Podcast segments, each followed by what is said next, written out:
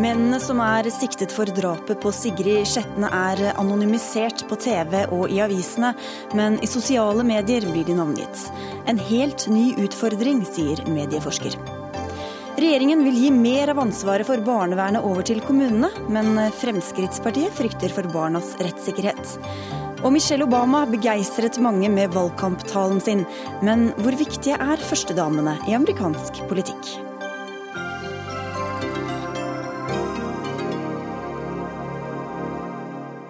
Det spør vi i Dagsnytt 18 på P2 og NRK2, hvor vi også undrer hvorfor Norge skal forhandle om fred mellom FARC-geriljaen og myndighetene i Colombia. Jeg heter Sigrid Solund. Kommunene bør få et større ansvar for barnevernet enn de har i dag, foreslår regjeringen. I sommer kritiserte barneminister Inga Marte Thorkildsen barnevernet for bl.a. for lite samarbeid, dårlig ledelse og mangelfull kompetanse til å snakke med barn. Og Torkelsen, Hvordan skal denne situasjonen nå bli bedre av at kommunene får mer ansvar? Dette handler i stor grad om å avklare ansvarsforhold, fordi det har vært uklart for mange hvem som har ansvar for hva.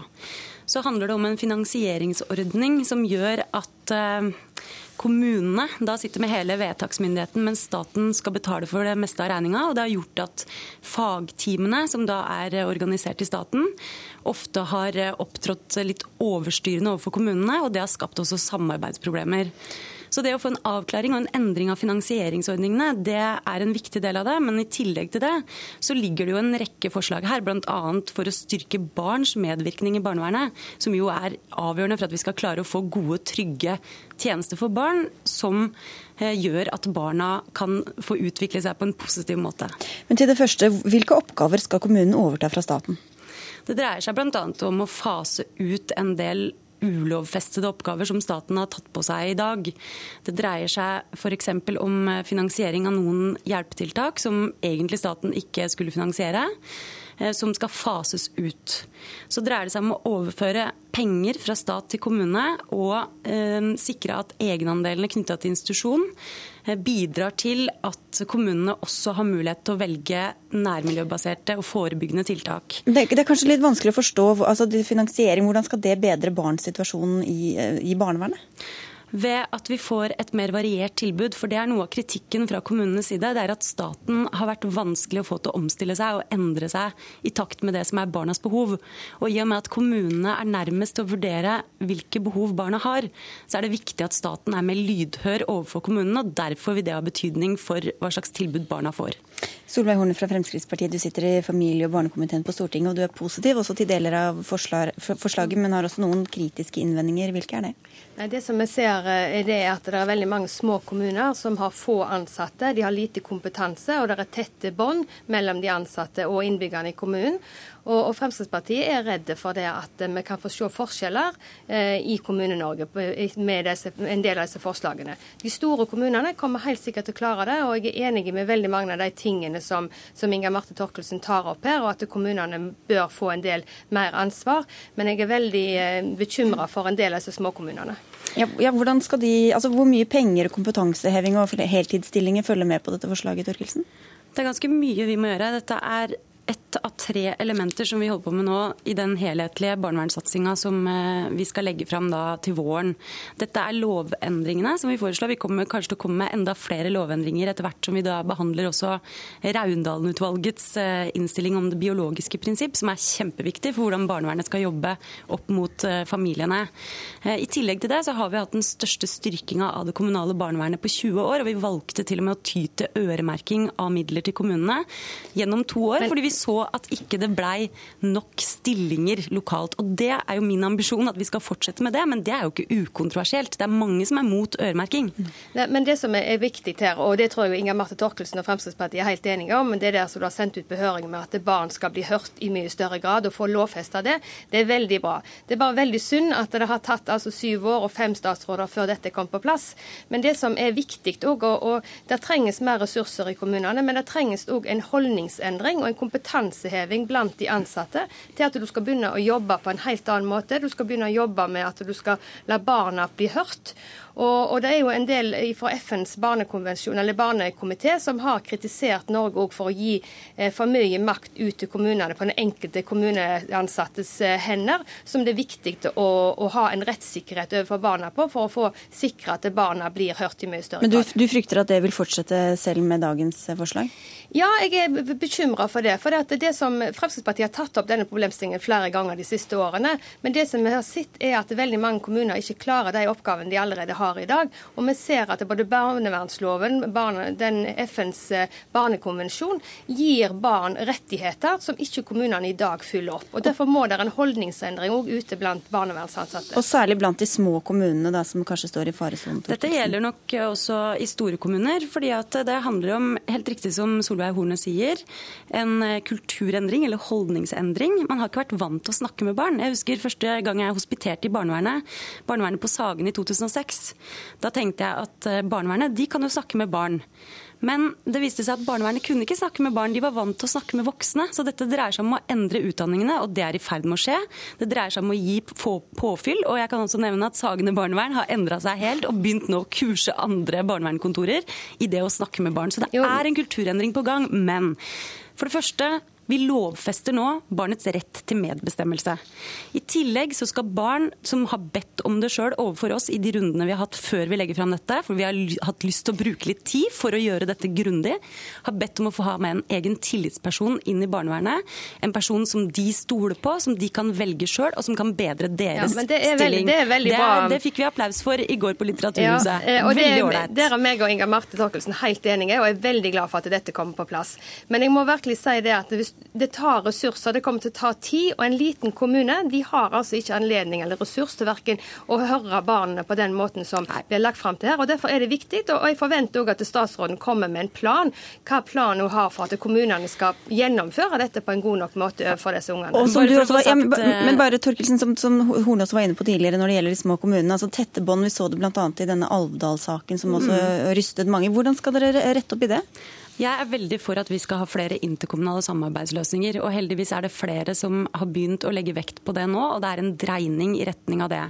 Vi lovfester nå et krav om forsvarlighet, som gjør at man også skal føre tilsyn med om de tjenestene man gir er forsvarlige, ikke bare om vi overholder det minstekravet i loven. Det er fylkesmennene som skal føre tilsyn med kommunene. og Det er en kjempeviktig del av den jobben de skal gjøre. Så skal kommunene føre tilsyn med fosterhjemmene. Og Det jeg er veldig opptatt av, når vi nå bruker fosterhjem i den grad vi gjør, så jeg er veldig opptatt av at vi skal ha et bedre og mer profesjonalisert tilsyn. Det har ikke vært bra sånn som det har vært nå. Og som vi vet, hjemmet kan være det tryggeste stedet et barn oppholder seg, men det kan også være det mest utrygge stedet. Bare for å følge opp det du sier, altså mer interkommunal samarbeid. Så du skal mer til kommunene, men ikke nødvendigvis mer til hver enkelt kommune når de er under en viss størrelse? Nei, vi er opptatt av å stimulere til interkommunale samarbeidsløsninger, særlig der hvor det er små, sårbare barnevernkontorer, og der hvor det er, ja, er veldig jo... korte avstander. Ja. Så det kommer vi til å stimulere stimulere til. Vi har brukt stimulere, men ikke lovpålegge. Vi har brukt Fylkesmannen hittil. Vi kommer til å bruke dem igjen. og det er ikke bare jo, enkelt heller å lovpålegge dette. Her, ja, men dette her har det jo vært snakk om i så mange år nå. og Du så jo at Statens helse, helsetilsyn var veldig kritiske til veldig mange kommuner. Det er altså 40 av, 4, 44 kommuner som ikke gjør den jobben de skal gjøre men, men, i dag. Hva mener du bør skje, da? Nei, altså For det første så må vi få på plass uavhengige tilsyn, og Statens helse, helsetilsyn gjør en god jobb i dag. Du stoler ikke på Fylkesmannen? Nei, du, nei, jeg stoler ikke alltid på Fylkesmannen. Men de er jo underlagt er, Statens helsetilsyn, ja, alvorlig talt. Ja, men det, som, i hvert fall ta utgangspunkt i virkeligheten. Det får ingen konsekvenser okay. for de kommunene som da ikke fyller opp dette. Det, det, det, er heller ikke riktig. Jo, det er klart det, det får konsekvenser. Som, det er klart at nei. kommunene hører på hva som kommer komme fram. Selvfølgelig, hvis du reiser ja, litt grann rundt i landet. En av gangen, okay, en av gangen for, Det er litt vanskelig fordi du sitter et annet sted, Torkelsen, men for Solveig Horne få svare ferdig, og så skal du få svare på det igjen. Ja, det som, det her Kommunene har hatt stor sjanse de siste årene på å vise dette. her. Nå har de fått mer ressurser, men de trenger òg en kompetanseløft. De trenger òg å få større enheter. Eh, og det er som sagt at det er veldig viktig at det vi får ivareta rettssikkerheten. Hva slags store enheter vil, vil dere ha den på kommunalt nivå, eller hva slags nivå vil dere ha det på? Det viktigste er at vi får en, at rettssikkerheten rettssikkerheten til barna at den blir ivaretatt på en god nok måte. Og sånn som det er organisert i dag, er det ikke gjort det. Fremskrittspartiet har ikke tatt stilling til om at vi ønsker Så dere har ikke noen egen løsning på det? Nei, men vi ønsker et eget utvalg som skal se på rettssikkerheten innen barnevernet, og se om at kommunene oppfølger den rettssikkerheten. Men sett ned et utvalg, og så kritiserer du dem for at det har tatt sju år? Nei, men det har vært satt ned et utvalg som ser på rettssikkerheten innen psykiatrien, og det bør da være gjort innen barnevernet òg. Okay. Men kan jeg bare si en ting? Fordi at eh, Vi har altså valgt å utrede dette ganske nøye. Vi har fått fem evalueringsrapporter på bordet. Først fikk vi kritikk fra Fremskrittspartiet for at vi valgte å utrede. Så fikk vi ros i Stortinget rett før sommeren for at vi faktisk valgte å utrede, fordi de så at det var nødvendig å ha et kunnskapsbasert opplegg. Så kommer vi da nå med noen lovendringsforslag som får god mottakelse i offentligheten, men da blir kritikken for at vi har brukt for lang tid. Okay. Og så, nei, jeg skal bare si ja, en ting. Det er at Dette er ett av tre elementer. Vi skal også utarbeide en stortingsmelding som skal ta for seg bl.a. kompetanse, tverretatlig samarbeid, behovet for et mer flerkulturelt barnevern og en del andre ting. Så her er det rikelig med anledning til å få inn sine synspunkter i hvordan barnevernet skal utvikle ja, seg framover. Fremskrittspartiet er veldig glad for at mye av dette kommer. Det var synd det ikke har kommet før, og vi skal være med og støtte deg i en god del av disse forslagene. Men dere vet ikke hva det bør bli? Okay. Jo, det vet det, men, det, men jeg må få lov til å være litt bekymra likevel for disse små kommunene. Og takk for at dere kom til Dagsnytt 18, Solveig Horne fra Fremskrittspartiet og barne- og likestillingsminister Inga Marte Thorkildsen. Hør Dagsnytt 18 når du vil, på nettradio eller som podkast. nrk.no – dagsnytt 18.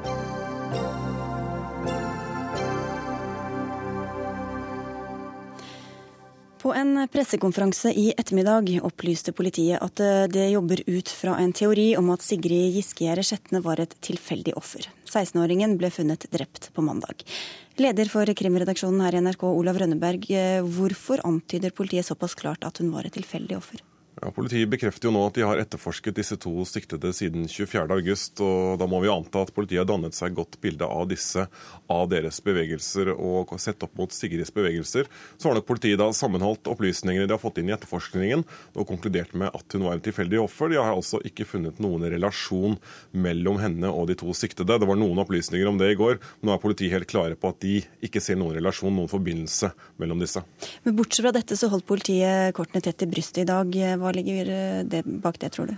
Det er svært tidlig i etterforskningen. Siktelsene skjedde jo natt til i går. De to siktede har vært i avhør, men så langt har de fått gitt en fri forklaring. De har altså ikke blitt konfrontert med noe som helst i politiavhør. Og da er politiet svært forsiktig med å gå ut i offentligheten med opplysninger, fordi detaljer fra funnstedet, detaljer fra bevis osv.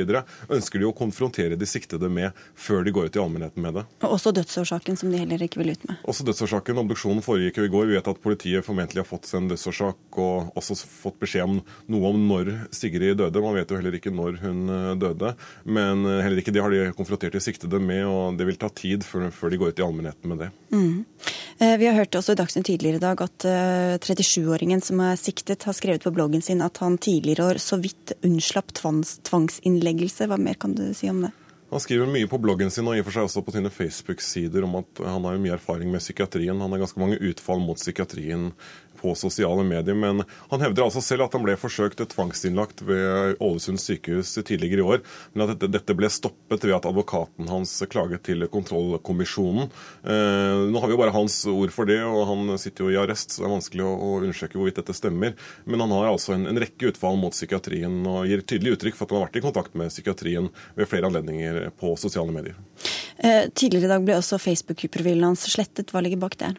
Det vet vi rett og slett eh, ikke. Politiet har gått ut og sagt at de har ikke tatt noe initiativ til det. Det er vanskelig å tenke seg at eh, forsvarerne hans har rukket å ta initiativet og få kontakt med Facebook og få den slettet. Det kan rett og slett være at pågangen har vært så stor at Facebook har slettet den selv. Vi vet jo at det var gjentatte drapstrusler mot denne siktede 37-åringen på Facebook, også på hans egen profil gjennom gårsdagen og natten.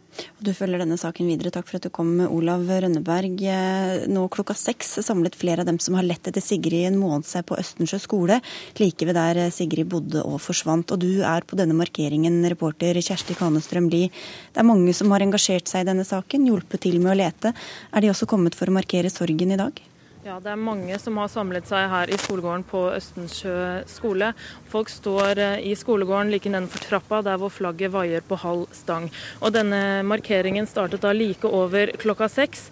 Den eh, startet da med at politiinspektør Hanne Kristin Rode takket alle som har bidratt i letingen etter Sigrid. Seremonien den ledes av Bengt Eriksen, som har ledet aksjonsgruppa for letinga etter Sigrid. Og det er ikke ventet at denne seremonien eller markeringen skal vare veldig lenge. Det viktigste her her er å få sagt takk til alle de som har vært med i letingen etter Sigrid. Og det er ment å sette et punktum for denne leteaksjonen, og altså takke de som har vært med, men også for å minne Sigrid. Og Hva sier de som har eh, samlet seg der og møtt opp i kveld? De jeg har snakket med, sier at de synes det er godt å komme hit og møte andre, og at de synes det har vært en veldig vanskelig tid. På en måte sier de at det er godt at det nå er slutt, men på en annen måte så synes de jo selvfølgelig utfallet av denne saken er forferdelig tragisk. Mm. De som har møtt opp, det er mange unge mennesker. De har med seg roser, og folk står altså også og gråter. Mm. Og nå, i det jeg står her, så avsluttes denne markeringen, og det er da en applaus her i skolegården. Takk skal du ha.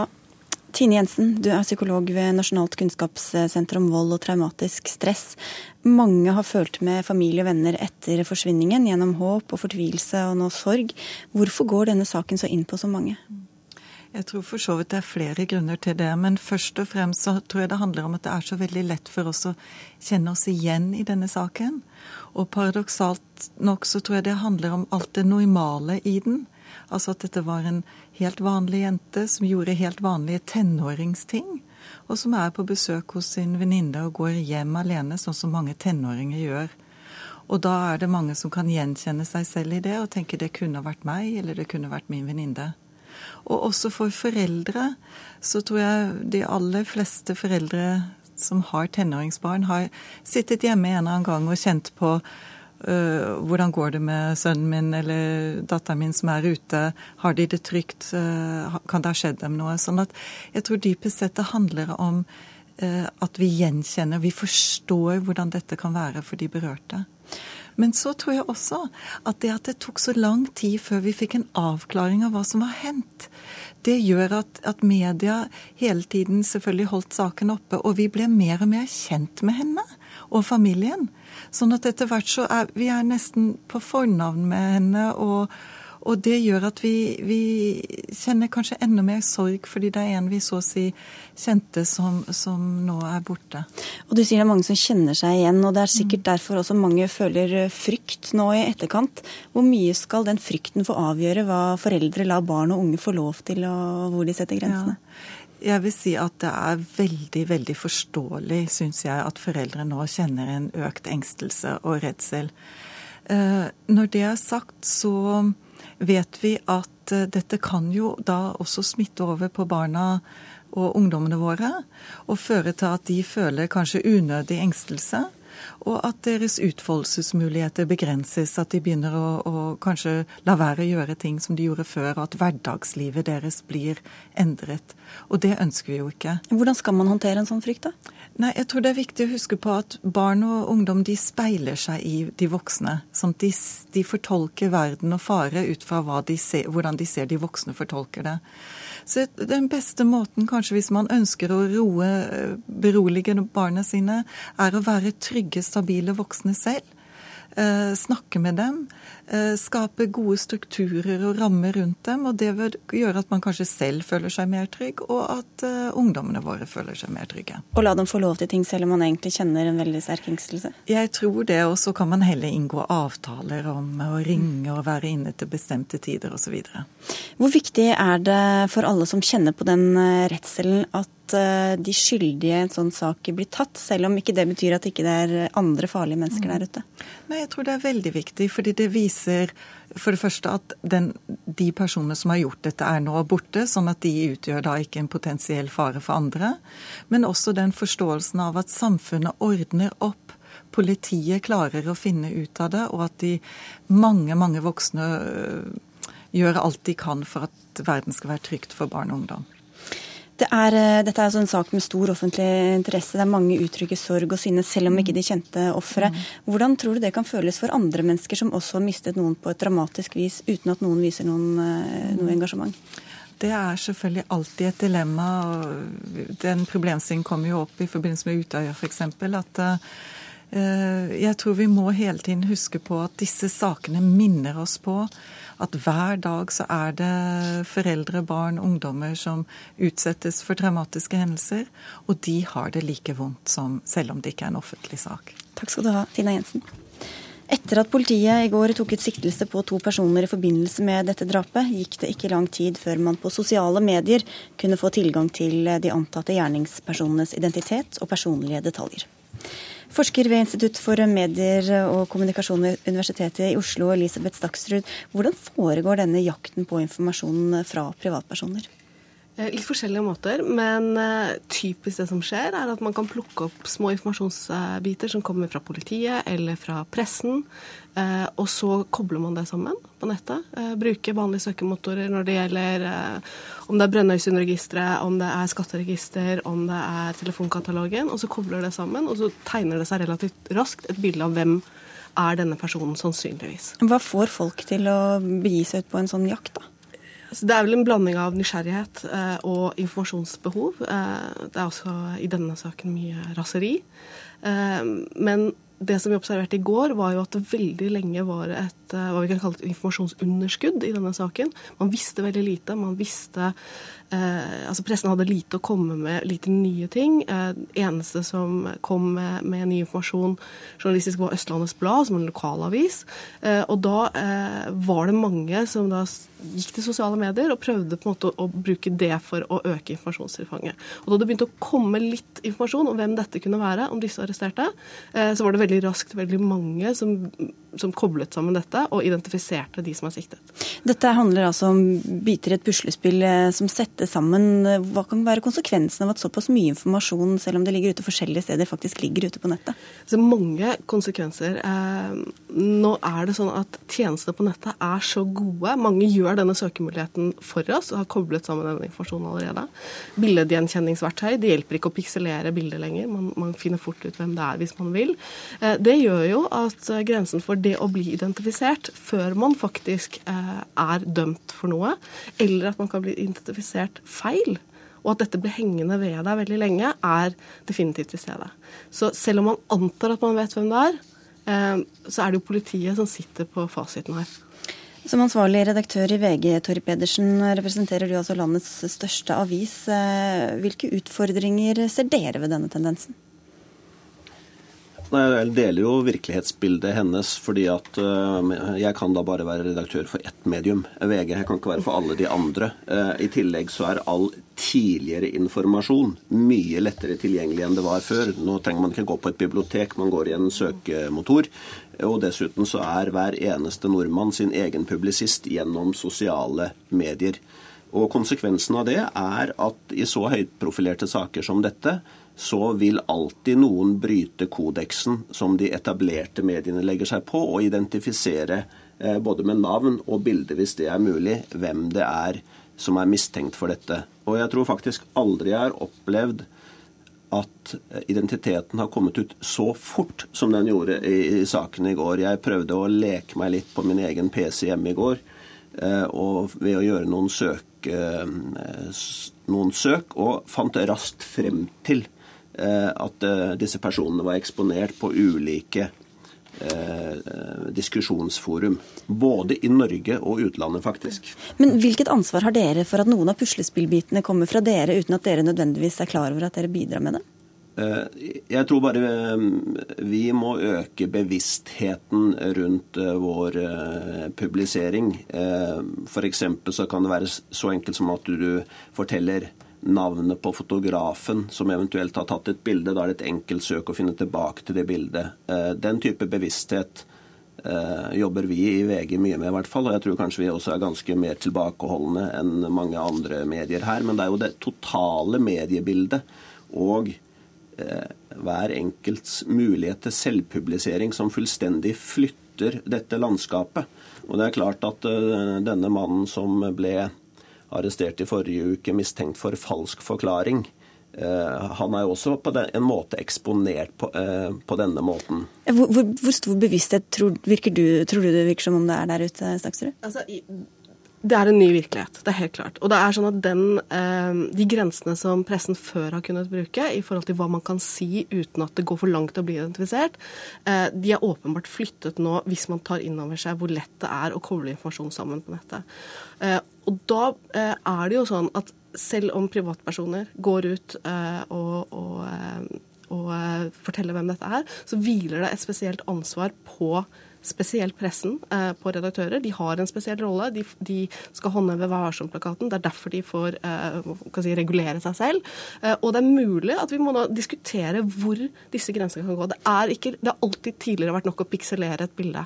Og, altså gjør det ugjenkjennelig? Gjør det mm. ugjenkjennelig. Sladde vekk ansiktet. Nå er det plutselig ikke nok. Men, men Pedersen, for f.eks. NRK vil ikke identifisere, og det er det vel heller ingen av de andre store mediene som gjør i denne saken. Men det at eh, navn og bilde ligger tilgjengelig på sosiale medier eller andre steder, taler det for en eventuell identifisering i, i VG? Nei, jeg tror vi skal holde oss strengt til at mediene må følge sin etiske kodeks. Eh, men mediene klarer ikke å regulere de sosiale mediene. Men, men ofte er det jo et, et, argument for å identifisere i VG f.eks. at Dagbladet gjør det. Og, Nei, det er aldri et argument Nei. i VG.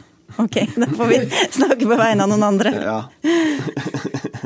vi gjør våre selvstendige vurderinger. Men det, altså, det, er, det har jo også ehm, de sosiale medienes eh, tilstedeværelse har også en, en positiv effekt. fordi at eh, det gjør at mediene blir kontrollert på en mye bedre måte enn tidligere. Hvis vi, hvis vi, gjør en feil nå, så vil de sosiale mediene avsløre det nærmest umiddelbart. Dermed blir journalistikken bedre. Men hva slags drahjelp får dere da fra den private journalistikken eller etterforskningsvirksomheten? Ja, Det mest kjente eksempelet i Norge er vel eh, denne legdommeren i terrorsaken som hadde posta på Facebook, som ble fanget opp av et, et, mindre tidsskrift eh, eller nettside som heter Vepsen, og som dermed spredde seg ut i, i de etablerte mediene, og dommeren var ute. Fra utlandet finnes det mange store politiske saker som er eksponert i sosiale medier. Altså det, er, det, er, vanskelig dette her, det er et dilemma, og det er positive og negative sider. Men vi ser også nå at, at når eh, ikke bare eh, trygt presse, men også, og, også kringkastingsstasjoner eh, f.eks. Eh, dveler ved skilt som, eh, som viser firmanavn hvor vedkommende er ansatt. Eh, altså, man bruker sosiale me eh, medier for å fortelle om tekststrenger, altså setninger som er blitt sagt, som lett lar seg søke på. Eller at man eh, forteller om ulike ting som gjør det enkelt for folk å gå og rett og slett google det, som vi sier, og finne det ut. Så har altså Det er noe som gir folk en mulighet til å si å ja, da må jeg sjekke hvem var det som jobbet i det filmet. Og der er det også Altså grenseoppgangen blir mye trangere enn det den har vært før. Men følger dere med da, nøye på hva som skjer på de sosiale mediene, også for å bruke det som, eh, som kilde? I krimjournalistikken annet? Ja, nå er jo det, eh, Vi følger godt med, men det, det, er jo så mastodontisk at eh, jeg tror ikke vi har verken algoritmer eller personell til å få med oss etter hvert rykte som måtte være der ute. Takk skal dere ha i hvert fall for at dere tok tiden til å komme til Dagsnytt 18. Torry Pedersen fra VG og Elisabeth Staksrud, stipendiat ved Institutt for medier og kommunikasjon ved Universitetet i Oslo.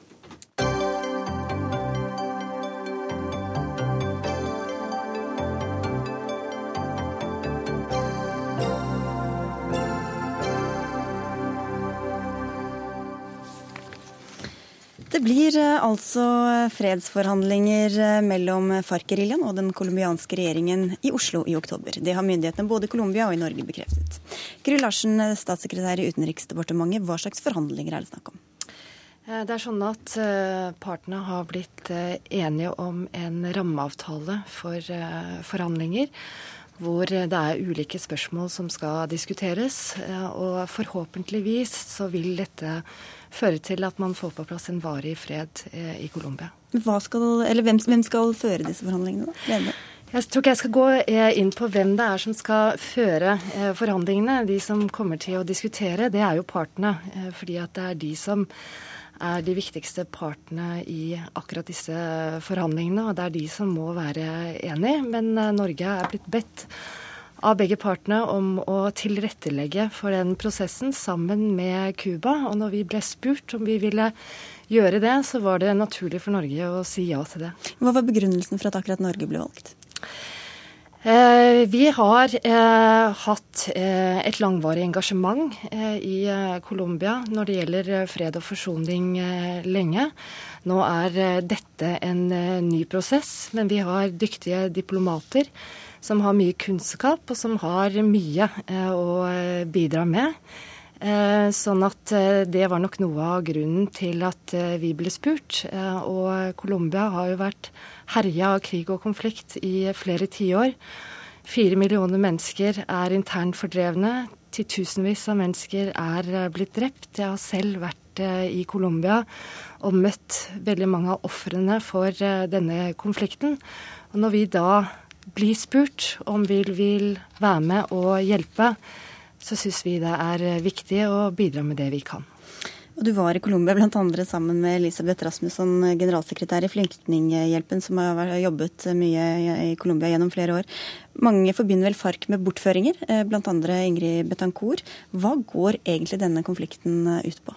Ja, dette er jo en konflikt som har vart i 50 år, og årsakene til konflikten har nok endret seg.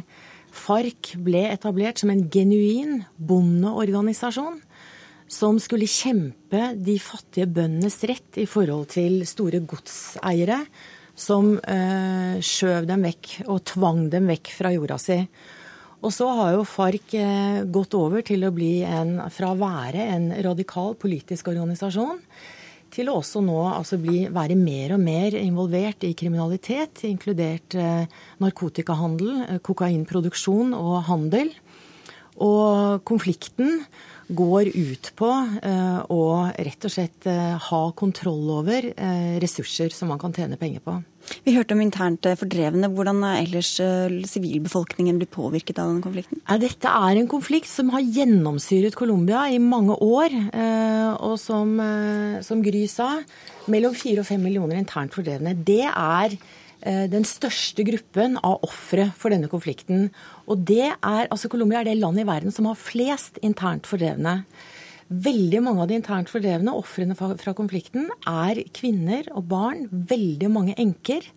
Eh, og det er jo mange titusenvis eh, av drepte sivile.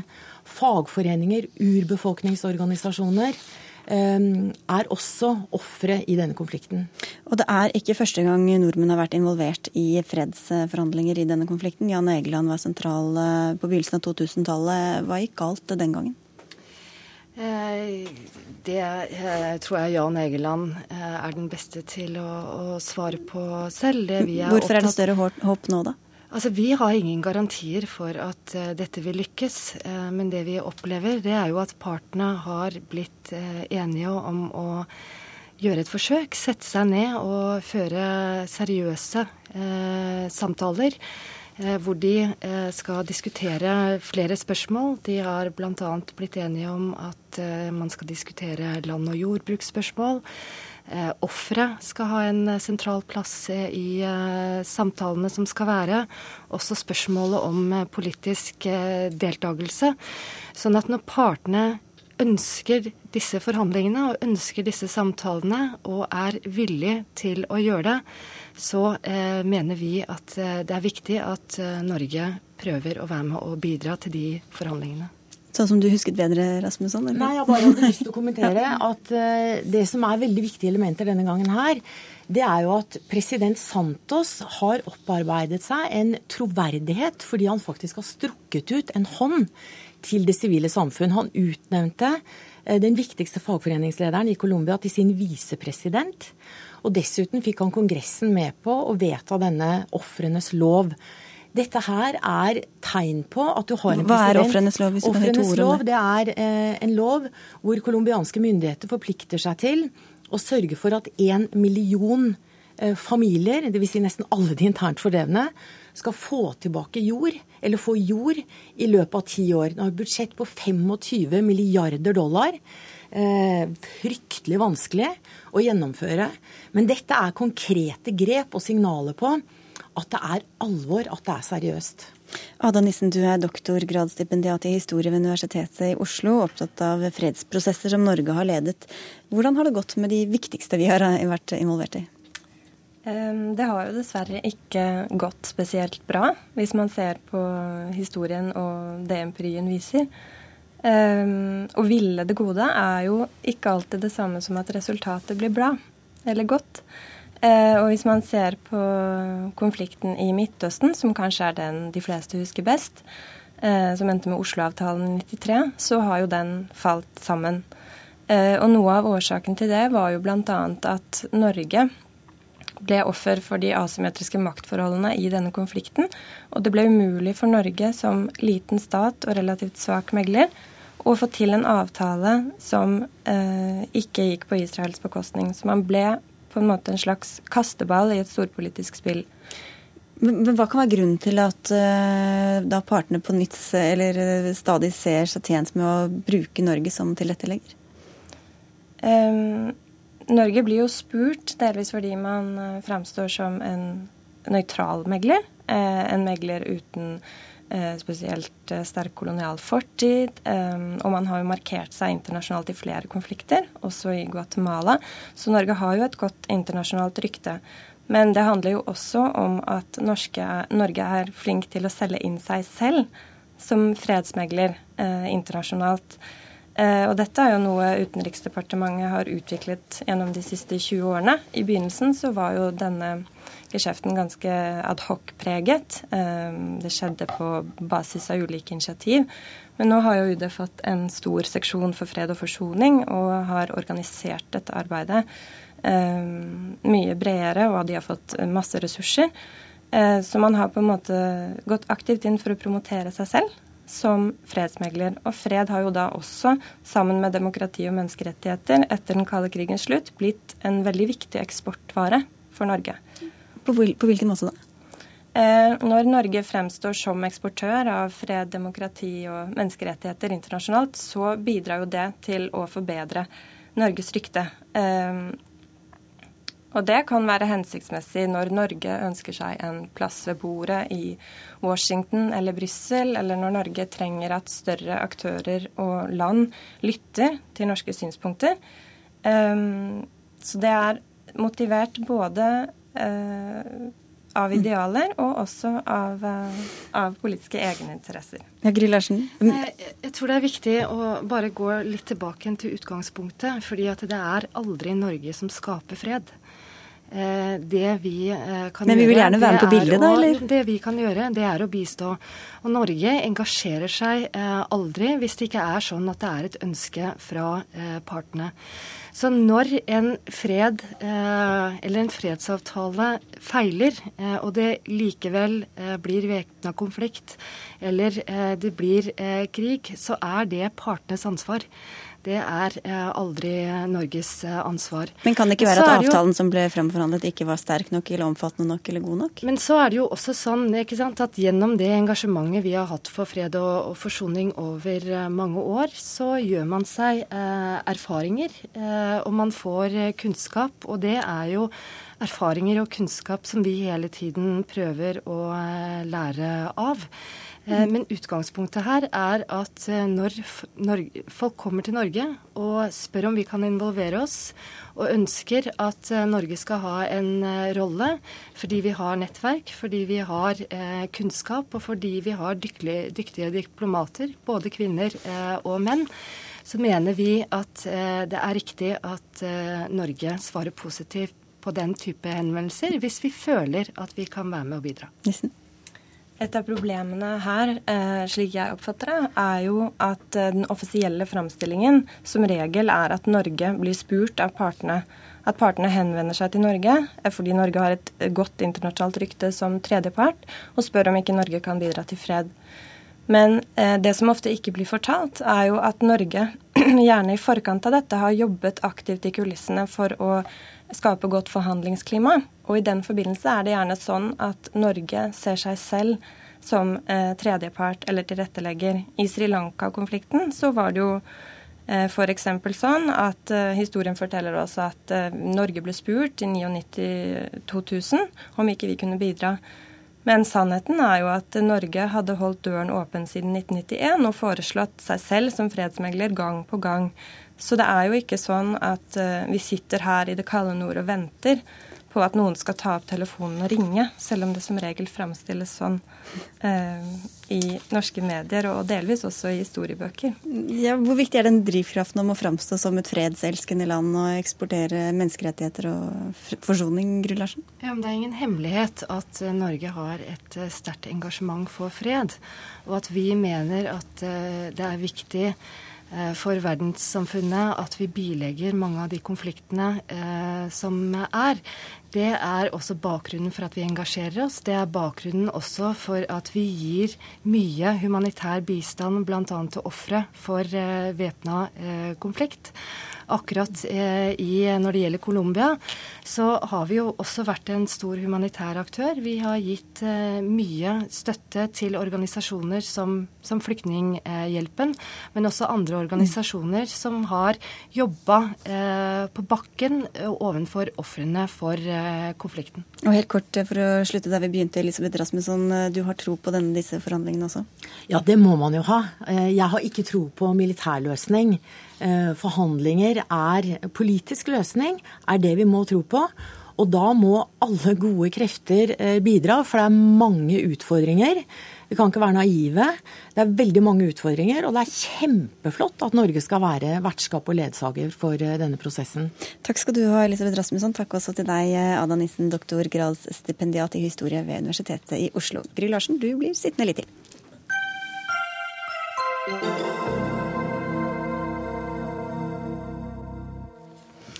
I april i fjor ble den norske militærrådgiveren for FN Siri Skare og seks andre FN-ansatte drept i en demonstrasjon i Afghanistan etter en koranbrenning i USA.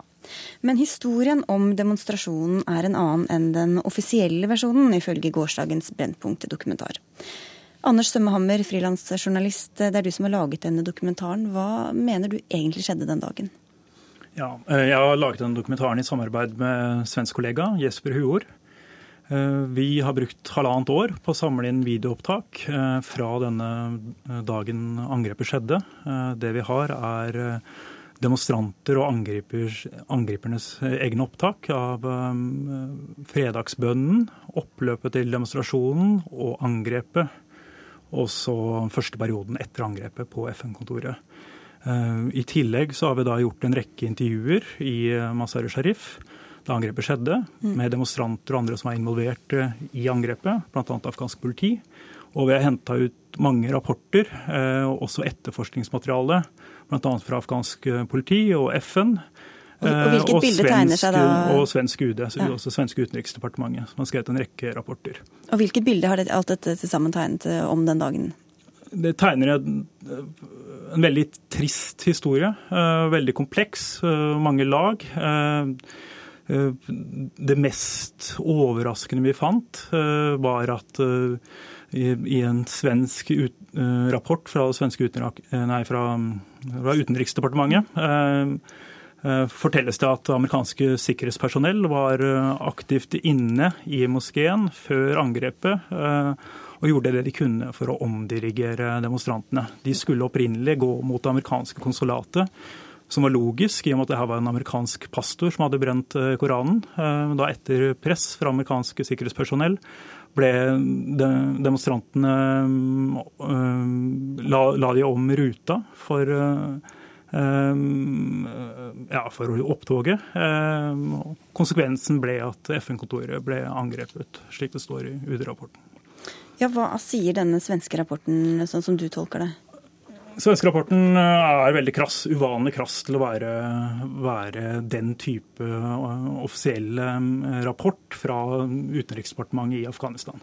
Den forteller at amerikansk sikkerhetspersonell i samarbeid med afghanske samarbeidspartnere gjorde det de kunne for å omdirigere demonstrasjonstoget. Det står ikke at de pekte ut FN-kontoret som mål for demonstrasjonen. Men det står veldig klart i rapporten at det ble konsekvensen av angrepet. Eh, og det eh, går det altså fram at det er også det mest nærliggende å tro. Eh, kan jo da si at Mazar Sharif er en mellomstor by i Afghanistan. Det er to store symboler på det utenlandske nærværet i byen. Det er det amerikanske konsulatet, og det er FN-kontoret. Så var det ikke det ene, så ble det det andre? Ja.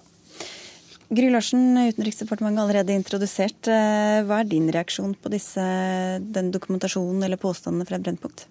Først vil jeg si at jeg syns det var en veldig sterk eh, dokumentar som ble sendt i går kveld som belyser mange viktige spørsmål. Og så har det blitt diskusjon knytta til en del av dokumentaren som gikk på at amerikansk sikkerhetspersonell bevisst skal ha omdirigert demonstrasjonstoget mot FN-bygningen.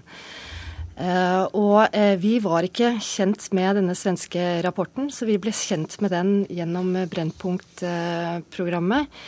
Uh, og det vi har gjort nå, det er at vi har bedt om å få lese den rapporten som denne påstanden baserer seg på. Så du har ikke lest den, den nå? Har vi, den har vi nå lest. Og etter å ha lest eh, den, så eh, ser ikke vi at det ligger noe i den rapporten eh, som bekrefter at amerikansk sikkerhetspersonell bevisst eh, skal ha omdirigert denne Men det sitatet han kom med nå, da, stemmer ikke det sitatet? Fra det kommer verken fra dokumentaren eller rapporten, så jeg lurer på hvor du har det fra? Ja, altså, Jeg så eh, dokumentaren eh, i går, eh, og sånn diskusjonen har eh, blitt i ettertid, det har også vært at det har eh, vært en eh, bevisst omdirigering. Men uansett men, men, Bare for å ta tak i det, fordi han, han men, men siterte fra det, for det, ja. Vi er her for å forsvare en film vi har lagd. ja. det, vi sier ikke i dokumentaren at amerikansk sikkerhetspersonell bevisst dirigerte demonstrantene mot FN-kontoret. Det står heller ikke i UD-rapporten. Hvilken debatt i etterkant du viser til, den er ikke jeg kjent med. Jeg er her for å diskutere filmen. Ja, men den, den, Du hviler altså på konklusjonen fra denne svenske UD-rapporten. Ja, men hvor, hvor, tydelig var den? Altså, Sa de at de omdirigerte? Det er helt åpenbart At det er to store symboler på det internasjonale nærværet i denne byen. Så amerikanerne, om ikke de gjorde det bevisst, så måtte de ha skjønt at hvis de omdirigerte fra Amerikanerne var veldig godt forberedt. De visste at koranbrenningen hadde utløst et voldsomt sinne. Eh, de var også veldig godt beskyttet. Eh, det understrekes i, i denne rapporten. Så det var også at konsulatet var tungt den dagen. FN var veldig dårlig forberedt. De var veldig dårlig beskyttet. Det, det var det andre av to åpenbare mål i, i byen denne dagen. Det var ikke nærliggende å tro at demonstrantene ville gå i en park med afghanske familier på piknik, eller et øde sletteområde fordi de ble omdirigert fra det amerikanske konsulatet. Det er helt logisk at demonstrantene gikk til FN-kontoret når de ble skremt fra å gå mot det amerikanske konsulatet. Tolker du det også sånn, Gry Larsen? Altså, Vi har jo eh, prøvd å gå etter denne rapporten da, for å lese hva som står i eh, den rapporten. Og så er det også sånn, fordi at eh, det har blitt stilt spørsmål ved dette, og fordi dokumentaren ble sendt eh, i går eh, i Norge, så har jeg også i dag tatt kontakt med den amerikanske ambassadøren. Eh, og spurt han om de har informasjon om omstendighetene rundt denne demonstrasjonen. Eh, som de kan dele eh, med oss. Eh, og så er det sånn at det er flere politikere på Stortinget som har et ønske om at utenriksministeren skal fortelle det vi vet om omstendighetene rundt dette, så det kommer han til å gjøre. Men det er også riktig å si at det har jo kommet flere rapporter om det som skjedde. Eh, FN har jo selv gjennomført en eh, gransking av eh, hvordan dette kunne skje, og hva som skjedde. Det er en rapport vi også har sett som er en god og en grundig men, rapport. Men jeg skjønner ikke helt, og, fordi, bare for å ta tak i det første. altså Mener du ut fra det du har lest i den svenske UD-rapporten og også andre ting du vet, at amerikanerne skjønte, eller burde ha skjønt, om ikke de gjorde det bevisst, eh, at demonstrasjonen da kom til å forflytte seg til FN-bygget med det resultatet det fikk? Altså Det er umulig for meg eh, å eh, svare på. Det som er poenget, det som er det som er poenget her, det er at det er ingenting i rapporten som sier at amerikansk sikkerhetspersonell bevisst har omdirigert denne demonstrasjonen mot FN. Mm. Og det har vært det som har vært eh, litt eh, av eh, anklagen. Men jeg har snakka med den amerikanske eh, ambassadøren i dag og, og bedt om de kan dele med oss den informasjonen de har.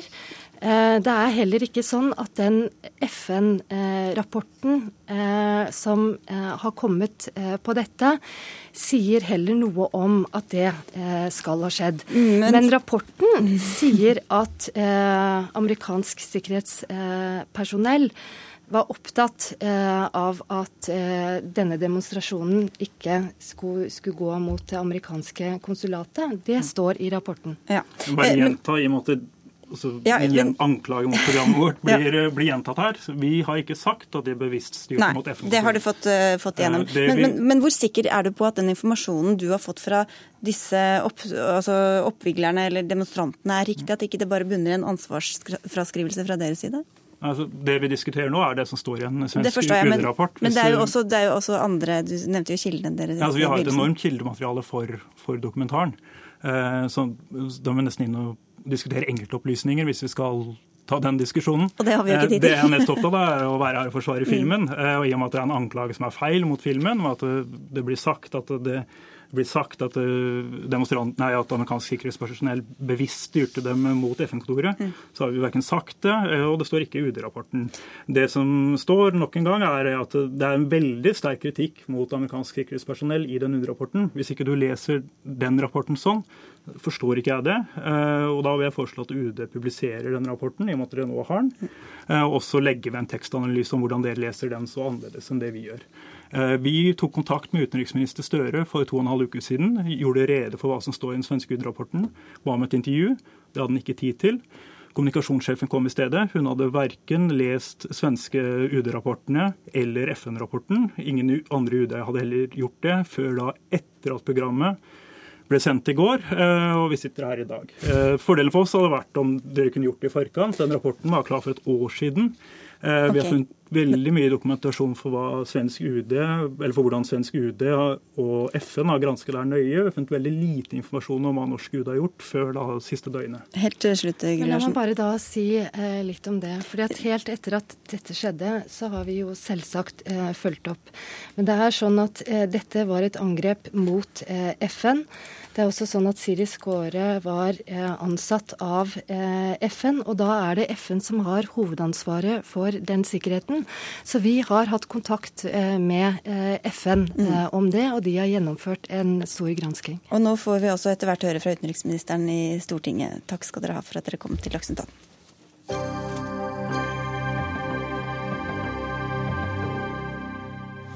I USA har førstedamen og hun som vil bli det, for alvor kastet seg inn i valgkampen. Forrige uke holdt Ann Romney, kona til mitt tale. I går var det Michelle Obamas tur til å tale på Demokratenes landsmøte.